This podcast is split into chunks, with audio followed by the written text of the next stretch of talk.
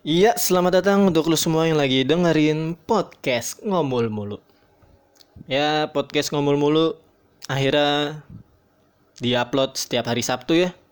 Hari Sabtu ini episode ke-20 akan diupload hari Sabtu tanggal tanggal berapa? Hari Sabtu tanggal 15 Juni 2019. Ya, gimana semuanya? Pada sehat ya, pada baik ya. Libur lebaran udah selesai. Yang pulang kampung udah balik lagi ke Jakarta. Jakarta udah mulai macet lagi. Ya selamat. Semangat lagi untuk beraktivitas kembali. Yang lagi kuliah semangat. Yang lagi kuliah lagi mandek skripsinya semangat. Terus ngerjain skripsi semangat semangat semangat. Harus dikerjain harus diselesain supaya kalian menjadi pengangguran. Enggak lah enggak ya biar ada titelnya lah sarjana gitu. Biar ada titel. Biar kalau ditanya sama keluarga tahun depan kan ya gimana sih kan saat keluarga kan pasti nanya setiap tahun sekali kan pas lagi lebaran gitu. Biar lebaran tahun depan tuh kalau ditanya gimana kuliahnya? Ya udah lulus bilang aja gitu udah lulus udah kerja gitu.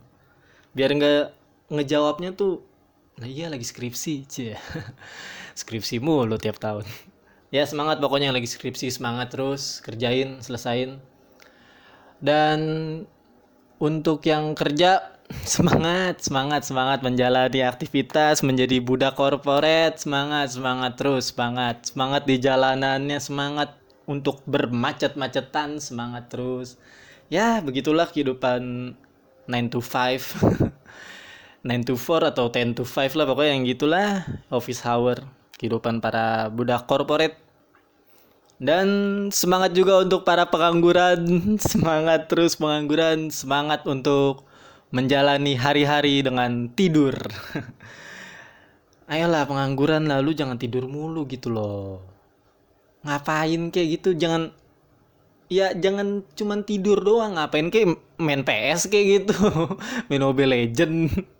Biar nggak tidur doang ya pokoknya semoga untuk para pengangguran tergerak gitu hatinya untuk mencari kerja. Atau minimal ya cari aktivitas lah cari kegiatan. Biar nggak bengong doang gitu di rumah. Jangan jangan bengong doang. Kasihan otak gitu. Lu nggak kasihan apa sama sama jiwa raga lu gitu yang cuma dipakainya saban hari cuma untuk tidur doang. Cuman untuk lihat IG story orang-orang aja. Ngeliatin aktivitas orang lain doang.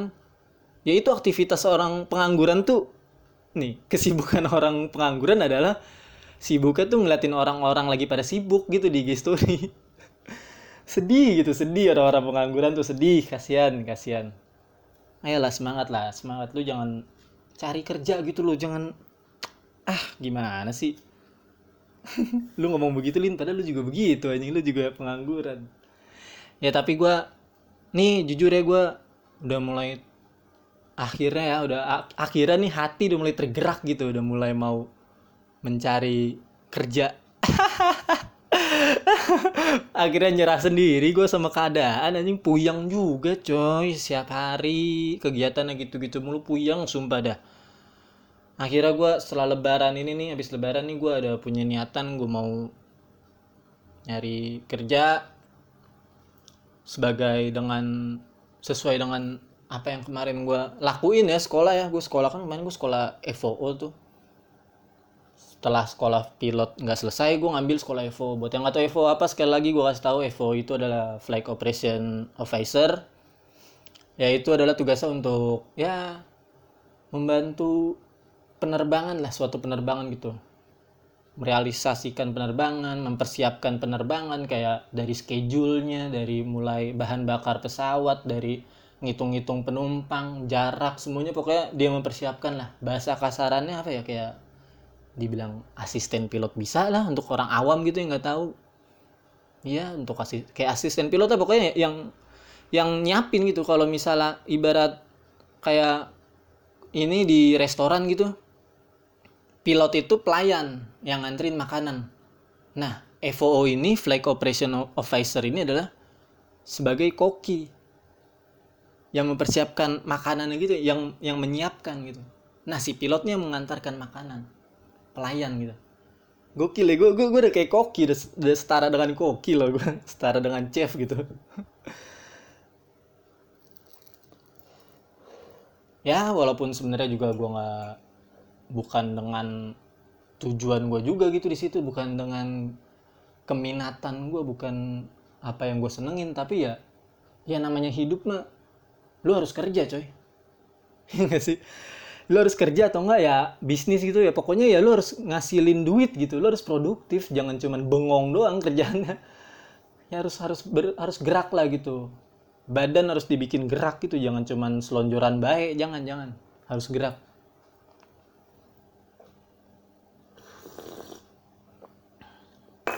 Ya gue rencana sih gue mau nyari kerja lagi nyari kerja juga lagi nyari di mau ngeplay ke beberapa maskapai lah mau gitu. Semoga ya doain doain. Semoga bisa keterima doain semuanya. Biar saya kerjaan yang gak cuman ngeliatin IG story orang-orang doang yang lagi kerja ya. Ya ya ya. Doain doain. Karena sejujurnya gue juga pernah sih gue pernah melakukan kegiatan itu juga. Pernah menjadi pernah kerja. Ya bukan kerja juga sih magang. Lebih tepatnya magang gitu. Sebagai FOO gue pernah magang ini gue kasih gambaran aja ya kerjaan FOO itu ngapain? Tulisannya nih kalau misalnya lu mau nyari di Google atau di YouTube gitu tulisannya F F Foxford Oscar Oscar. FOO Flight Operation Officer. Lu cari dah biar lebih jelas ya gitu biar lebih detailnya lu cari itu gimana. Nah ini gambarannya nih gue kemarin pas lagi magang nih kerjaannya jadi kayak gue mempersiapkan penerbangannya dan itu disiapin semua tuh kayak misalnya terbang dari Jakarta atau ke dari Jakarta ke Surabaya gitu atau Jakarta ke Jogja gitu di, itu disiapin gitu loh jalurnya jalur mana aja. Terus da, itu pakai ketinggian berapa dan itu dilihat juga cuacanya gitu. Dan nanti udah disiapin dokumennya begitu dokumen penerbangan dokumen cuaca dan nanti di briefingin juga ke pilotnya kita briefing ke pilot kita kasih tahu. Bahasa kasarannya gini dah kayak eh lu pilot lu nanti kan lu mau kerja eh mau kerja mau, terbang ke Jogja nih. Nih di Jogja nih nanti pas di perjalanan di setengah perjalanan nih ada segini nih cuacanya nih cuacanya misalnya apa buruk gitu nih cuacanya nanti ada hujan nih temperatur segini. Pokoknya dijelasin semua ke pilot itu di briefingin supaya pilot tahu. Nah udah kayak gitu ya udah si Evo ini udah selesai tugasnya nih. Tapi bukan berarti dia udah lepas tugasnya udah selesai enggak. Dia tetap memantau penerbangan itu dari Jakarta dari Suta Soekarno Hatta ke Jogja misalnya. Itu harus bener-bener sampai selesai si pesawat itu sampai di Jogja. Itu baru dinyatakan bahwa pekerjaan CFO ini udah selesai gitu tugasnya. Dan gue juga pernah di situ bagian ini apa namanya radio radio ngontek-ngontek ke si pilotnya gitu ngasih ngasih arahan. Kayak misalnya nanti misalnya ada penerbangan dari dari mana gitu dari Jogja misalnya dari Jogja ke Suta. Ini soalnya kan gue base kan di Suta nih waktu itu. Di Suta base nya nah itu gue nerima nih nerima gue kontek-kontekan via radio gitu. Dari ada pesawat nih dari Jogja ke Suta kita ngasih tahu nanti lu pas udah nyampe Suta nih lu parkir di mana gitu. Itu dikasih tahu coy. Ribet emang pesawat tuh transportasi yang ribet sebenarnya. Ribet. Lu kalau misalnya nonton di ini di YouTube-nya Kapten Vincent Raditya tuh itu pasti lu kalau misalnya lu nonton lu pasti tak si pilot ini si Kapten Vincent ini selalu berkomunikasi terus kan dari dari mulai mau terbang sampai selesai mau landing itu selalu kontek-kontekan terus sama radio. Itu kalau itu kontekannya sama radio di ATC nah itu kayak begitu. Pilot tuh ribet coy. Pesawat kendaraan yang ribet. Selalu ngoceh terus gitu dan ocehannya tuh bukan bahasa Indonesia ngoceh ngoceh bahasa Inggris dan bahasa Inggrisnya bukan bahasa Inggris yang general. Beda gitu. Bahasa Inggris general sama bahasa Inggris aviation gitu beda sama aviasi English aviation sama English general tuh beda. Sulit sulit sulit. Ribet pesawat tuh kendaraan ribet. Dan tapi pesawat juga kendaraan yang paling safety tuh paling safety itu. Makanya lu salah sih kalau misalnya mau naik pesawat tapi takut gitu tuh sebenarnya bisa dibilang salah. Karena pada faktanya nih pada datanya adalah transportasi umum yang paling aman itu adalah yang paling safety pesawat. Boleh lu cari di Google transportasi umum yang paling safety adalah pesawat. Bisa bisa lu cari pasti keluar pesawat nomor satu. Nomor satu pesawat nomor dua kalau nggak salah kapal kapal kapal ini kapal layar kapal laut. Terus kereta bis dan sisanya semacamnya kenapa gue bilang itu safety? Itu karena pesawat nih dari mulai mau diberangkatkan aja dari mulai mau dinyalain mesinnya aja dah. Itu tuh semua dicek gitu. Dicek dari mulai tekanan bannya terus fuelnya fuel fuel itu bahan bakar gitu dicek. Terus semua maintenance pesawat itu di di bagian-bagian dari pesawat itu dicek ini layak terbang atau enggak. Ya kalau ada beberapa bagian yang sekiranya ada masalah gitu nggak layak ya di stop gitu. Pesawatnya di stop ditahan di hold dulu. Ditahan dan di maintenancein dulu gitu dibenerin dulu baru kalau udah bener baru diterbangin. Kalau emang nggak layak ya gimana nih? Lu bahaya banget tuh risiko banget. Pokoknya pesawat itu transportasi yang ngutamain safety first gitu. Bener-bener bener-bener safety banget deh ya balik lagi kalau misalnya ada lu pasti bilang ya Lin tapi kan lu lihat dah kecelakaan pesawat pasti ada aja. Ya gimana? Itu balik lagi ke kuasa sih gitu. Anjing jadi jauh banget gue lari-lari ke situ. Terus tadi ke mana ya? Kayak itu FOO pekerjaannya gimana gue pernah magang itu tiga bulan ya kalau nggak salah tiga bulan ya kurang lebih tiga bulan gue magang di suatu maskapai yang ijo. Ya lu tau lah yang ijo apaan tuh maskapainya namanya? Gue pernah situ. Ya apa ya pengalaman banget sih. Magang kerja gitu kerja di bagian dari suatu maskapai penerbangan. Cukup fun cukup bete cukup puyeng. Cukup ya capek bisa dibilang capek dong pasti capek lah. Setiap kerja pasti capek coy. Nggak ada lu kerja nggak capek tuh nggak ada. Nggak ada nggak ada nggak ada kerjaan yang nggak bikin capek tuh nggak ada. Apaan lu jaga kontrakan bilang ya jaga kontrakan juga capek anjing. Mah harus ini nerima komplainan dari para yang ngontrak lu gitu misalnya bocor genteng gitu ya kan capek juga dioceh-ocehin begitu lu harus benerin gentengnya yang bocor. Terus apa lagi kerjaan nggak capek? Apaan?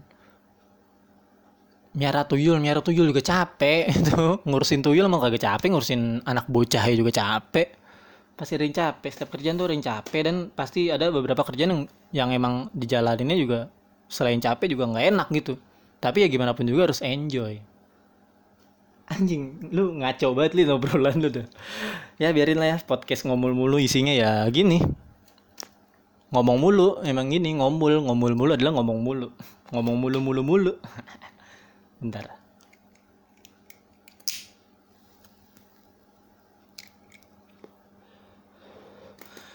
Pernah pernah gue ngerasain jadi budak korporat. Itu jatuhnya budak korporat juga sih.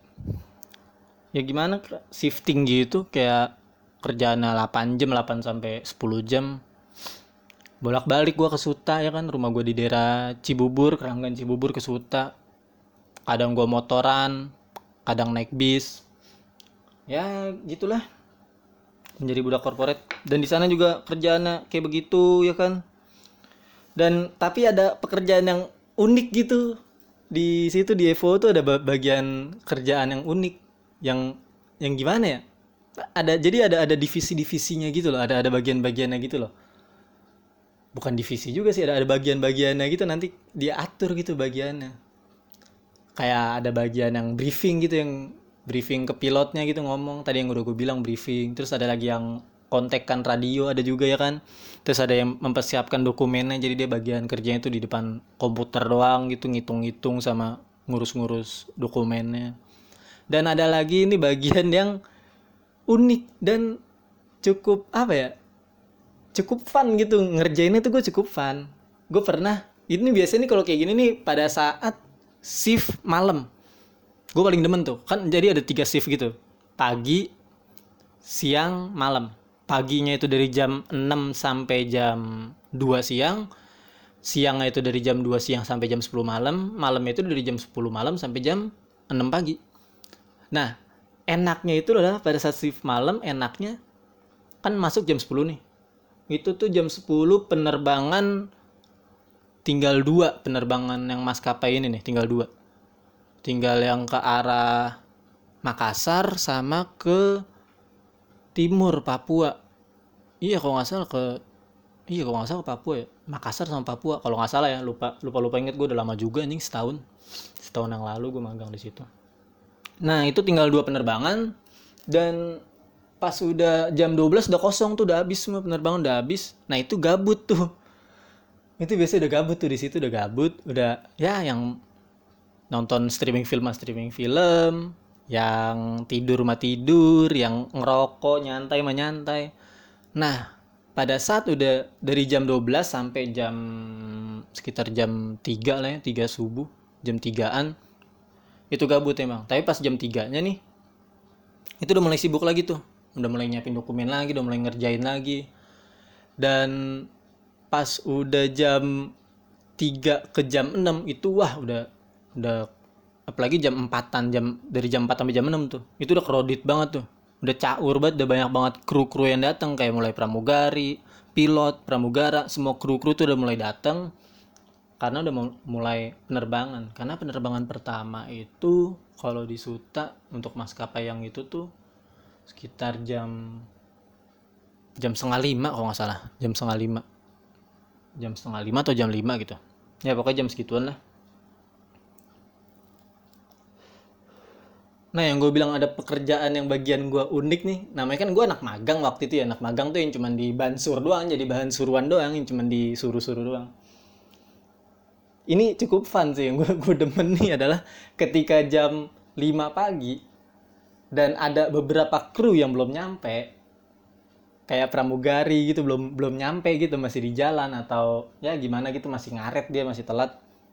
Itu adalah gue disuruh sama senior gue atau yang udah kerja di situ mentor gue gue disuruh untuk teleponin pramugari pramugari daripada nih anak magang nih mungkin bagi si mentor ini nih daripada nih anak magang nih diam doang gitu kerjaannya cuman cuman fotokopi atau ngapain doang gitu atau cuman ngontek-ngontek radio nih mendingan lu telepon pramugari deh. Gue digituin. Lin nih teleponin nih si ini nih nih daftarnya nih namanya ini nomor-nomornya ini dia pada telat nih lu tanya kenapa dia bisa telat lagi di mana posisinya. Kalau masih jauh ditukar aja ditahan di nggak usah suruh balik gitu nggak usah nggak usah kerja gitu nggak usah terbang diganti schedule. Itu gue pertama kali ngerasain kayak gitu tuh anjing. Resep seru seru gitu fun banget deh gue teleponin kan. Pramugari gue teleponin. Halo pagi mbak. Uh, posisi ada di mana? Udah nyampe mana? Dan pramugari kalau digituin tuh yang pada telat-telat nih pada panik gitu. Dan pada kayak ngemis-ngemis gitu kayak kayak mohon-mohon gimana gitu kayak untuk jangan ditukar schedule ya karena rata-rata nih yang ngaret-ngaret nih biasanya yang gue telepon gitu kayak mbak di mana posisinya nih? Cepetan dan dikit lagi udah mau terbang gitu. Schedule dikit lagi udah mau terbang. Terus dia bilang iya iya mas bentar mas ini udah nyampe pintu keluar tol kok. Ini udah nyampe ini nih udah, udah masuk suta nih udah masuk udah di terminal nih dikit lagi udah di terminal. Ini udah di parkiran udah pada panik banget gitu jangan sampai ditukar schedule itu gue teleponin beberapa pramugari gue teleponin gue teleponin. Resep gitu seneng aja gitu untuk untuk untuk ngelakuin hal yang kayak gitu tuh. Ngedengerin suara panik pramugarinya panik banget ya kan takut ditukar. Itu bagian yang paling funnya di situ tuh. Dan sampai mentor-mentor gue nih sampai bilang Lin lu nelfonin pramugari udah teleponin aja tapi jangan di save nomornya gitu. Takut di save ya seru lah untuk magang di situ selama tiga bulan.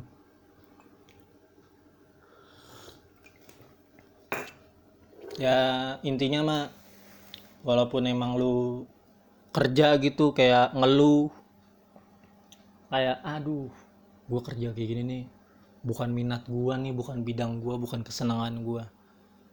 Ya lu harus tetap kerja coy. Lu harus tetap ngelakuin. Kalau kalau lu cuman kayak maunya kerjaan yang enak mah ya gimana ya? Lu harus itu proses sih. Lu harus nikmatin aja dulu. Nanti juga lu bakal dapat waktunya. Kerja yang enak tuh gimana? Nambah-nambahin pengalaman lah. Hitung-hitung banyak-banyakin pengalaman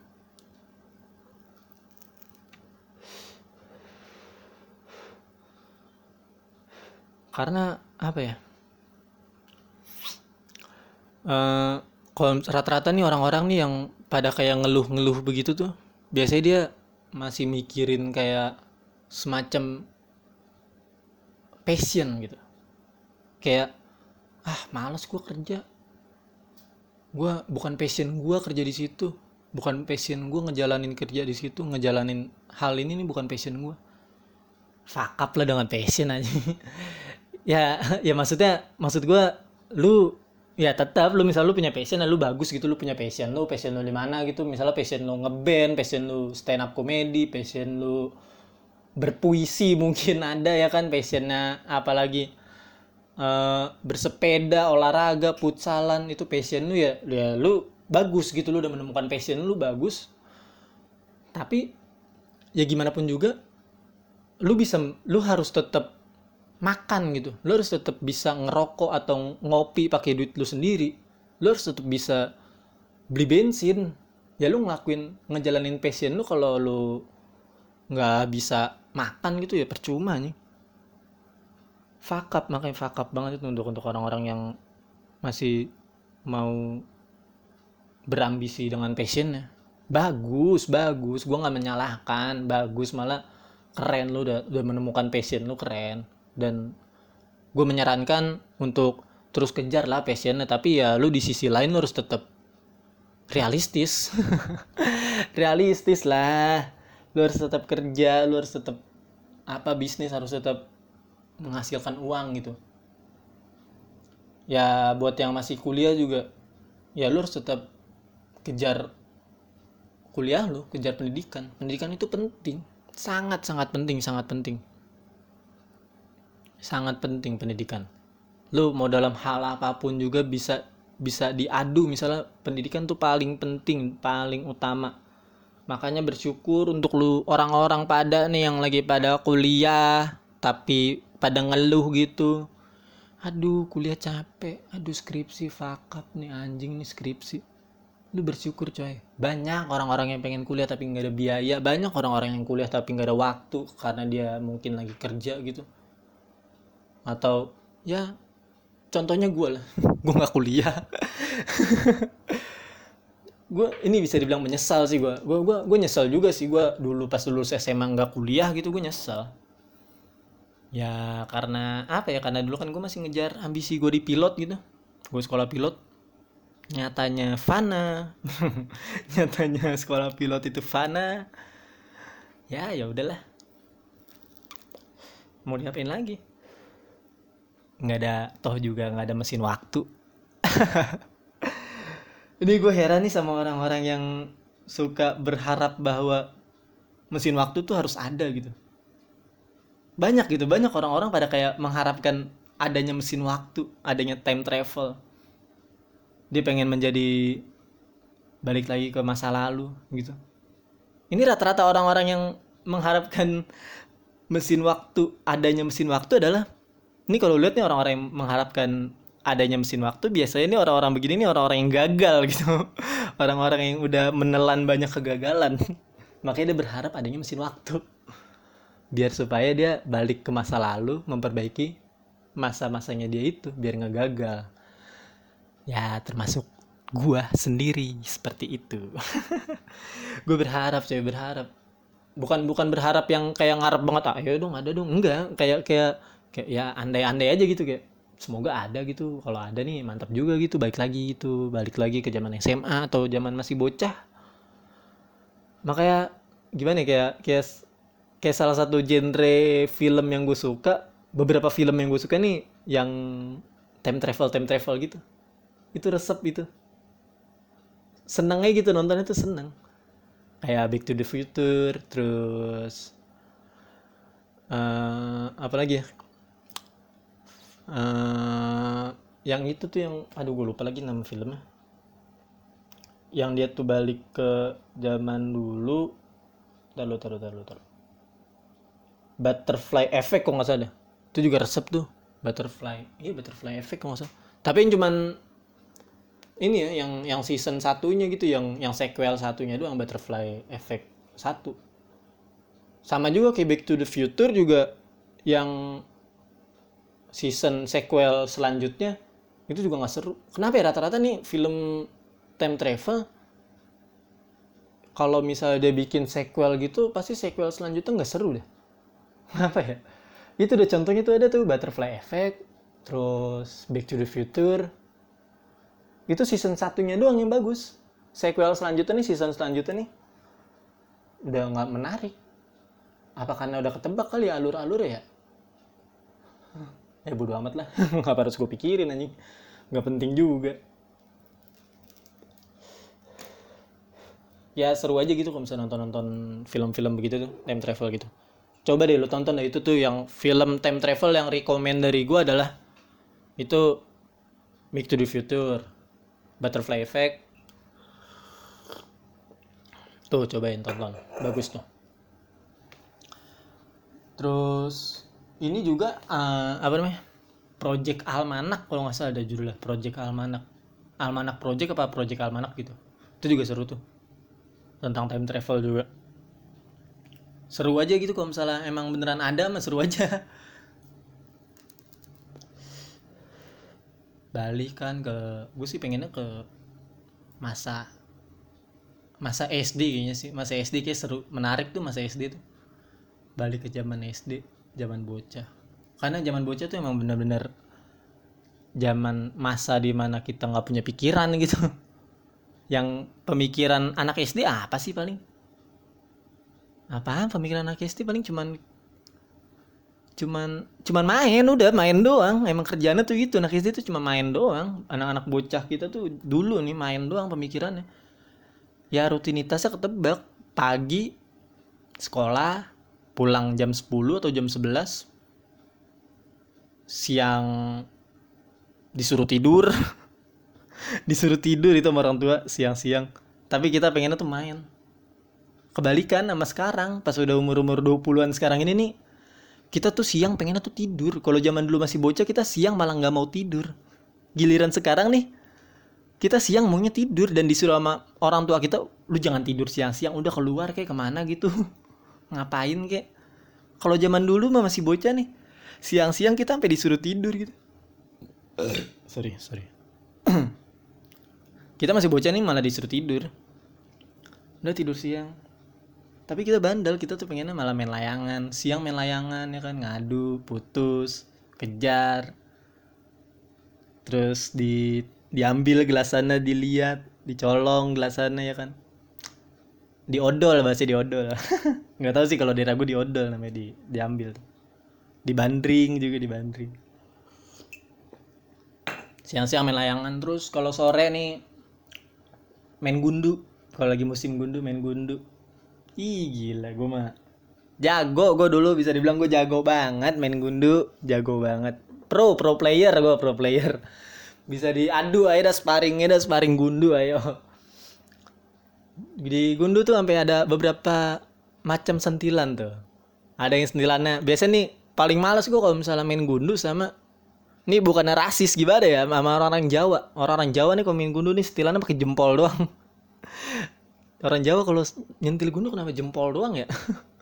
Heran gue terus ada lagi yang atas satu tangan doang tuh tas gitu. Nah biasanya nih kalau sama orang Jawa main gundu nih biasanya paling males karena kita kalau di gundu kan ada gacoannya kan ya yang emang gundungnya tuh bagus itu bagi kita tuh bagus keren. Ini kalau main sama orang Jawa biasanya di, dipecahin anjing gundunya. Gue pernah dulu ngadu main gundu gitu gundu gue gacuan gue dipecahin.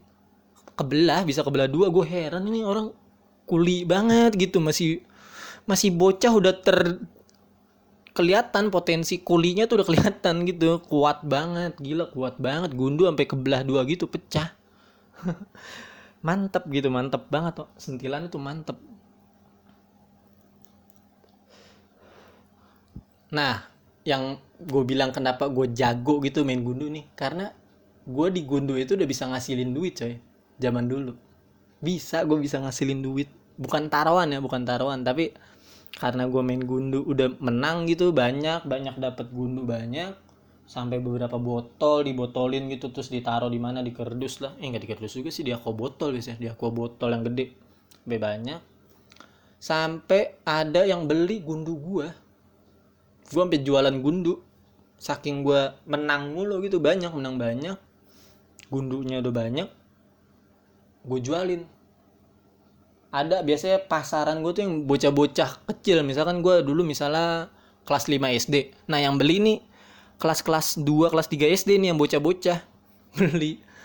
Pada beli gitu sampai nyamper ke rumah gue tuh bukan nyamper ya bukan teriak bulin gitu bukan bukan yang bulin bukan tapi beli beli.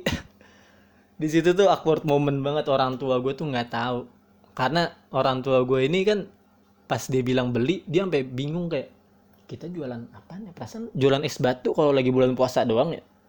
Ini nggak bulan puasa kan? Kok ada yang teriak beli sampai keluar bilang beli apaan? Beli gundu. Nggak tahu ya beli gundu. Gue keluar langsung ya udah gue kasih gundu. Jualan gue ngasihin duit. Tuh anak bocah generasi 90-an tuh masih bocah udah ngasilin duit.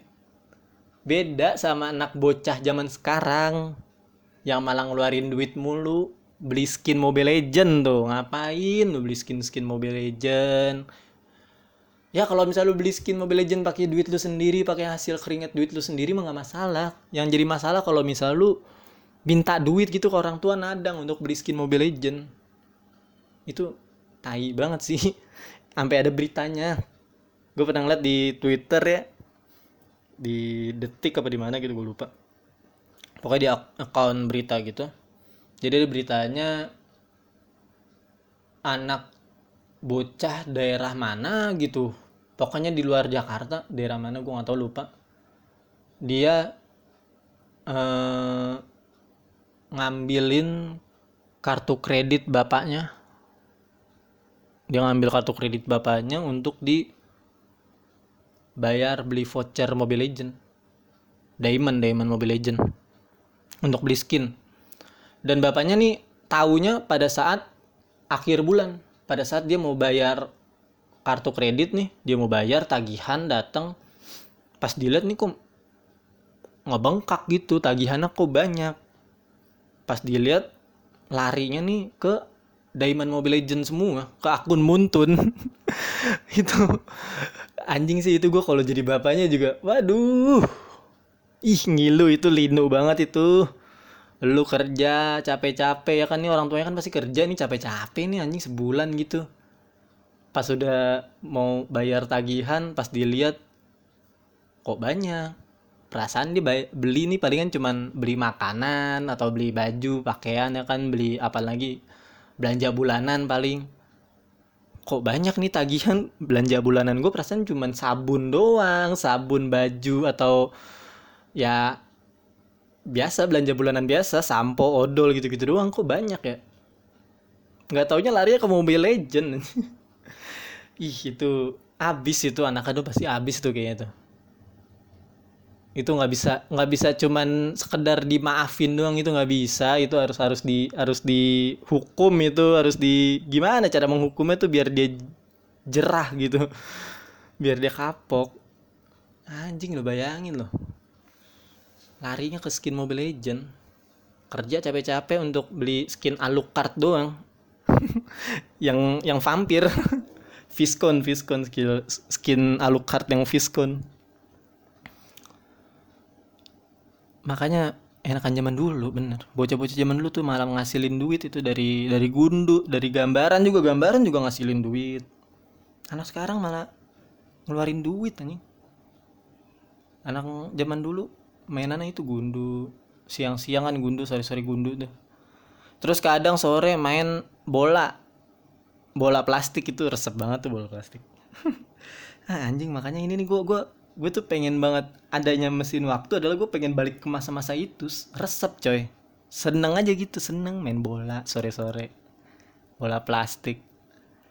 Main beli beli bola plastik yang lima ribuan apa tuh yang yang yang ini pasti motifnya tuh bintang-bintang gitu tuh. Dan pada saat beli itu jangan langsung dimainin harus dibolongin dulu. Pakai paku dikit. Kecil aja bolongan kecil aja. Supaya apa? Supaya kita nendang bolanya tuh apa alurnya tuh bagus gitu. Karena kalau misalnya lu nggak lu bolongin dulu nih itu bolanya tuh keras. Dan dan ini jadi kayak belok-belok gitu nggak jelas gitu. Kalau misalnya lu tendang nih lu beli bola plastik itu nggak lu bolongin dan lu tendang itu tendangan lu jadi kayak Roberto Carlos. Yang yang pisang begitu beloknya gitu bukan bukan pisangnya David Beckham bukan. Tapi kayak Roberto Carlos yang parah banget gitu pisangnya.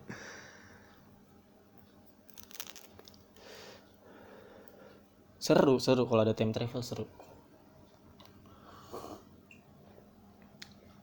Ini udah berapa menit nih? Gua ngoceh-ngoceh ngomul mulu udah berapa menit nih ngomul mulunya nih? Waduh udah 36 menit lama juga ya.